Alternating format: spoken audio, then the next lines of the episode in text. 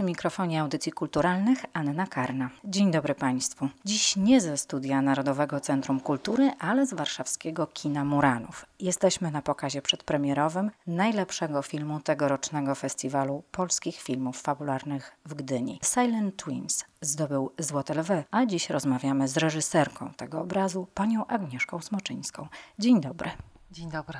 Pokaz w tej chwili trwa, po nim odbędzie się spotkanie z publicznością. Wcześniej kilkukrotnie Pani wspominała o wielkich emocjach, które towarzyszyły Pani przy oficjalnej premierze światowej w Cannes, czyli pierwszym spotkaniu filmu z publicznością. Potem był Nowy Jork, tam z kolei większość publiczności była afroamerykańska, a więc dla wielu mogła być to też w pewnym sensie osobista historia. Wreszcie emocje 47. Festiwalu w Gdyni i najważniejsza nagroda. To były momenty wielkiej ekscytacji, wielkiego stresu, ale ta droga już za panią. Film został wielokrotnie doceniony, nagrodzony. Pani zbiera gratulacje zewsząd.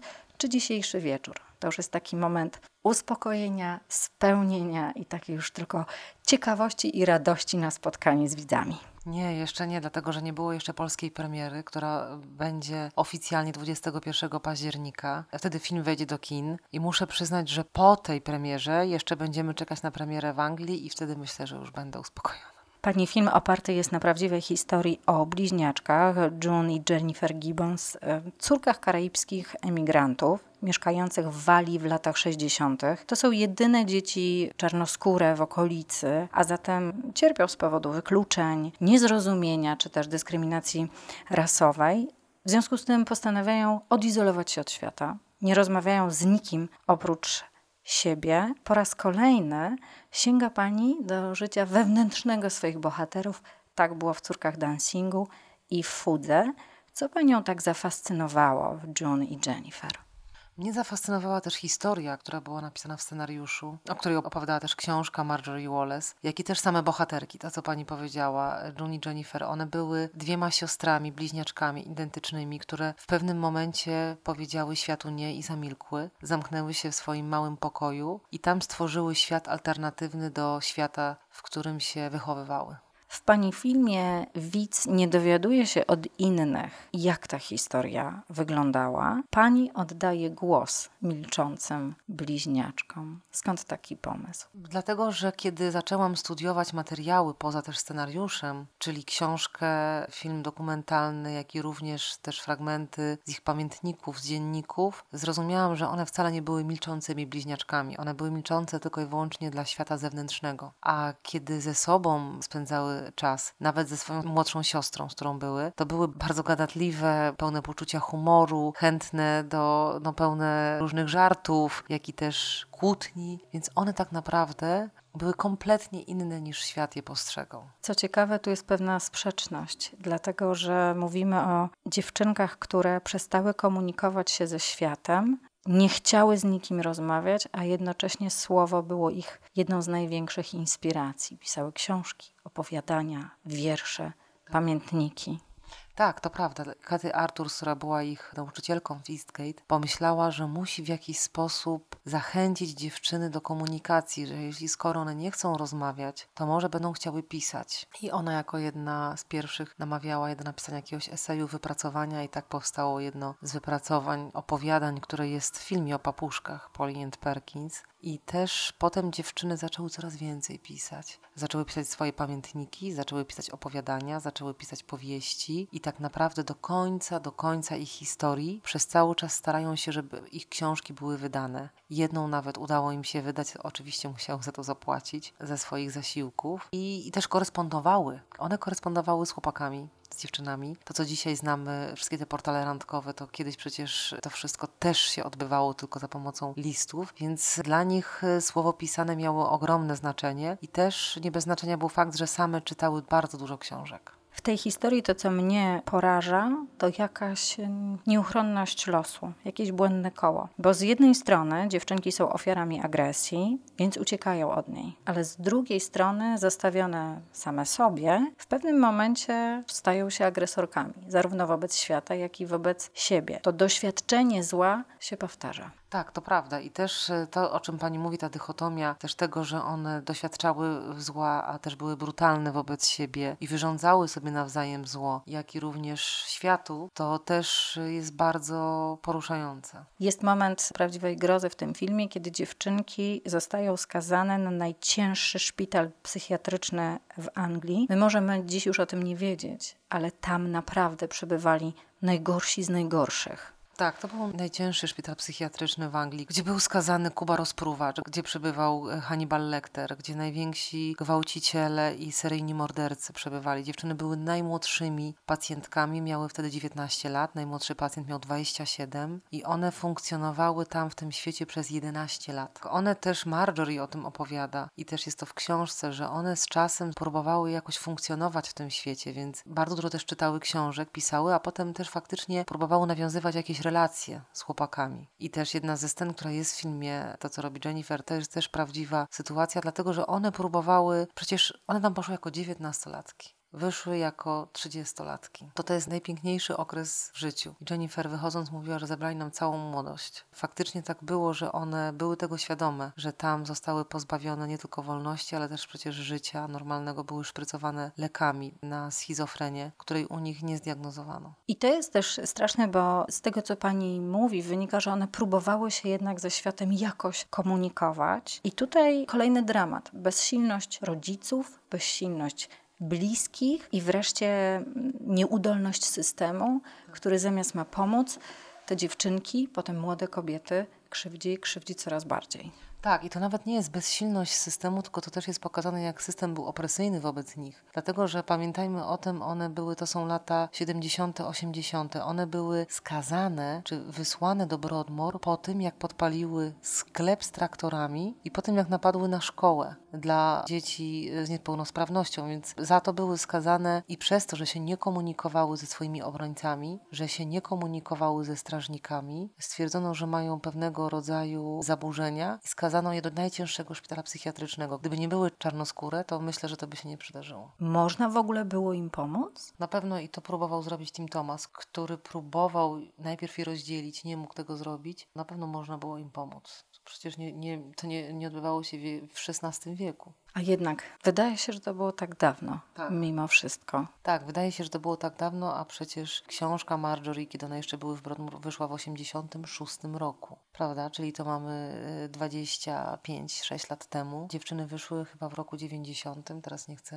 mhm. więc no 30 lat to nie jest tak dawno. Dlaczego zdecydowała się Pani na opowiedzenie tej historii jednak też w baśniowym obrazie, bo łączy Pani brutalną rzeczywistość, rzeczywiste filmowe zdjęcia z animacją. Dlatego, że zależało mi na tym, żeby opowiedzieć o tych bohaterkach też poprzez ich twórczość. I nie było opowiadania, które jest animowane przez Basię Rupik, e, jak i też jeden o papuszkach i potem dwa opowiadania o doktorze Palembergu. Tego nie było w scenariuszu, ale kiedy przeczytałam książkę Marjorie, zrozumiałam, że bardzo bym chciała też pogłębić postać Jennifer i pokazać, w jaki sposób ona myślała, w jaki sposób odbierała świat i też jaką była pisarką. Tej książka nie była nigdy wydana. Przez cały czas próbowała wybijać przebijała się do różnych wydawców, jak i również te fragmenty, które są jak Pepsi Cola Eddict, czyli fragment książki y, June. On był w scenariuszu, to napisała zresztą świetnie Andrea i inne rzeczy, w sensie inne takie wizje, ja to nazywałam, czyli jakby próby sportretowania ich wewnętrznego świata, po to, żeby pokazać, jak bardzo bogaty, różnorodny, dziki, pełen poczucia humoru, ale też mroczny był ich wewnętrzny świat w skontrastowaniu ze światem zewnętrznym. I też jak one były inne w tym świecie wewnętrznym, jak jak inaczej się zachowywały w świecie zewnętrznym. Jakimi były pisarkami według Pani? Ja bardzo lubię ich e, teksty. One były młode, kiedy pisały te książki, potem już były coraz starsze. Ja bardzo lubię to poczucie humoru, tą wyobraźnię, jakieś kompletnie niepohamowane eksperymenty. Zresztą też poznałam reżysera, który chce zadaptować książkę June.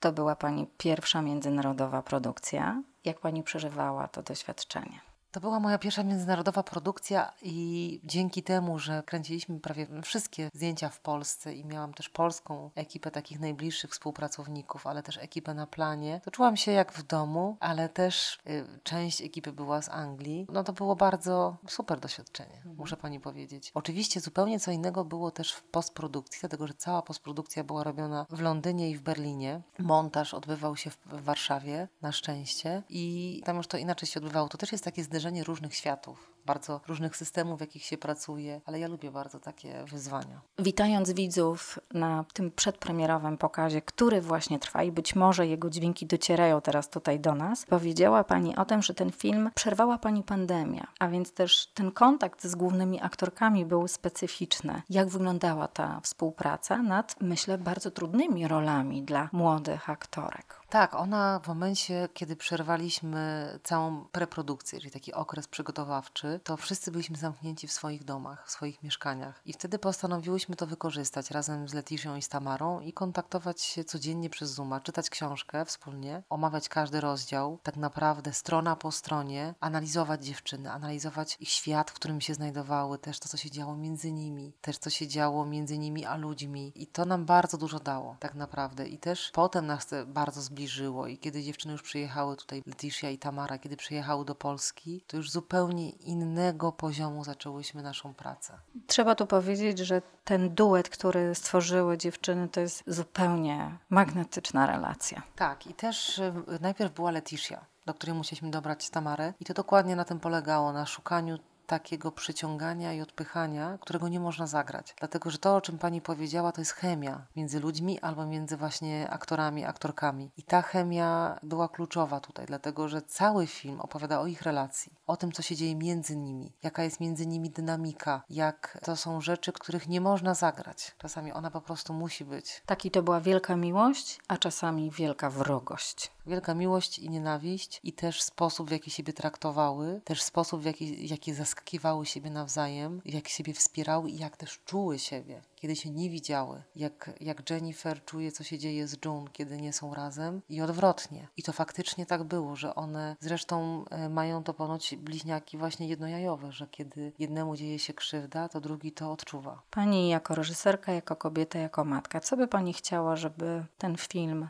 w widzach pozostawił. Ja bym chciała, żeby przeżyli tą historię i przeszli tą drogę, którą przeszła June i Jennifer, i żeby na końcu od y, przeżycia tej historii no, prowadziło do refleksji. Bardzo trudna, ale wspaniała historia, fantastyczna forma obrazu filmowego, która jest w sposób doskonały uzupełniona muzyką. Powiedzmy słowo chociaż o tej warstwie muzycznej filmu. Zuza Wrońska i Marcin Macuk, czyli kompozytorzy, z którymi pracowałam też nad córkami dancingu, byli zaangażowani w ten projekt, można powiedzieć, samego początku, kiedy jeszcze nawet nie ruszyły zdjęcia. Wspólnie czytaliśmy książkę Marjorie razem z, też z Kasią Lewińską, autorką kostiumów i bardzo bardzo głęboko wchodzili w te postaci, ponieważ to była historia osadzona w Walii, ponieważ bohaterkami były dwie czarnoskóre dziewczyny z Barbadosu. Zależało mi na tym, żeby współtwórcy odrobili tak zwaną pracę domową, żebyśmy my wszyscy poznali ich świat, dlatego że to były prawdziwe dziewczyny, to żebyśmy jak najwięcej zdobyli wiedzy na ich temat, jak najwięcej, żebyśmy mogli je też zrozumieć. I potem poprosiłam też Zuzkę, żeby z tekstów Jennifer jakby poskładała, jakby zrobiła taki kolaż, wiersz na temat śmierci, która jest piosenka Dear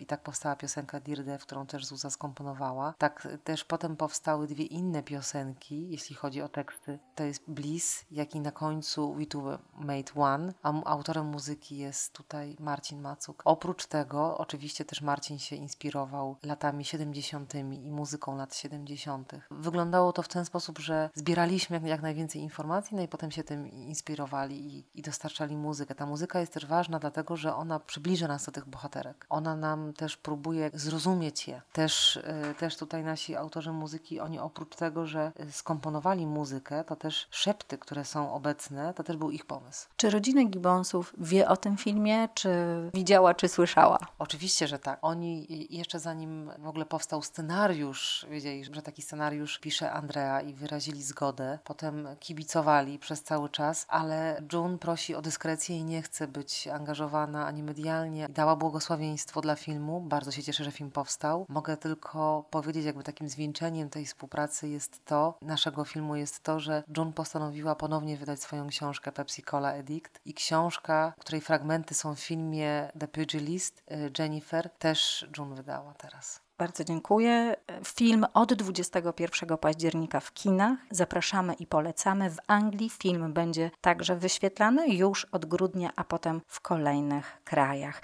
Dziś bohaterką audycji kulturalnych była laureatka Złotych Lwów za film Silent Twins, pani Agnieszka Smoczyńska. Bardzo dziękuję za rozmowę.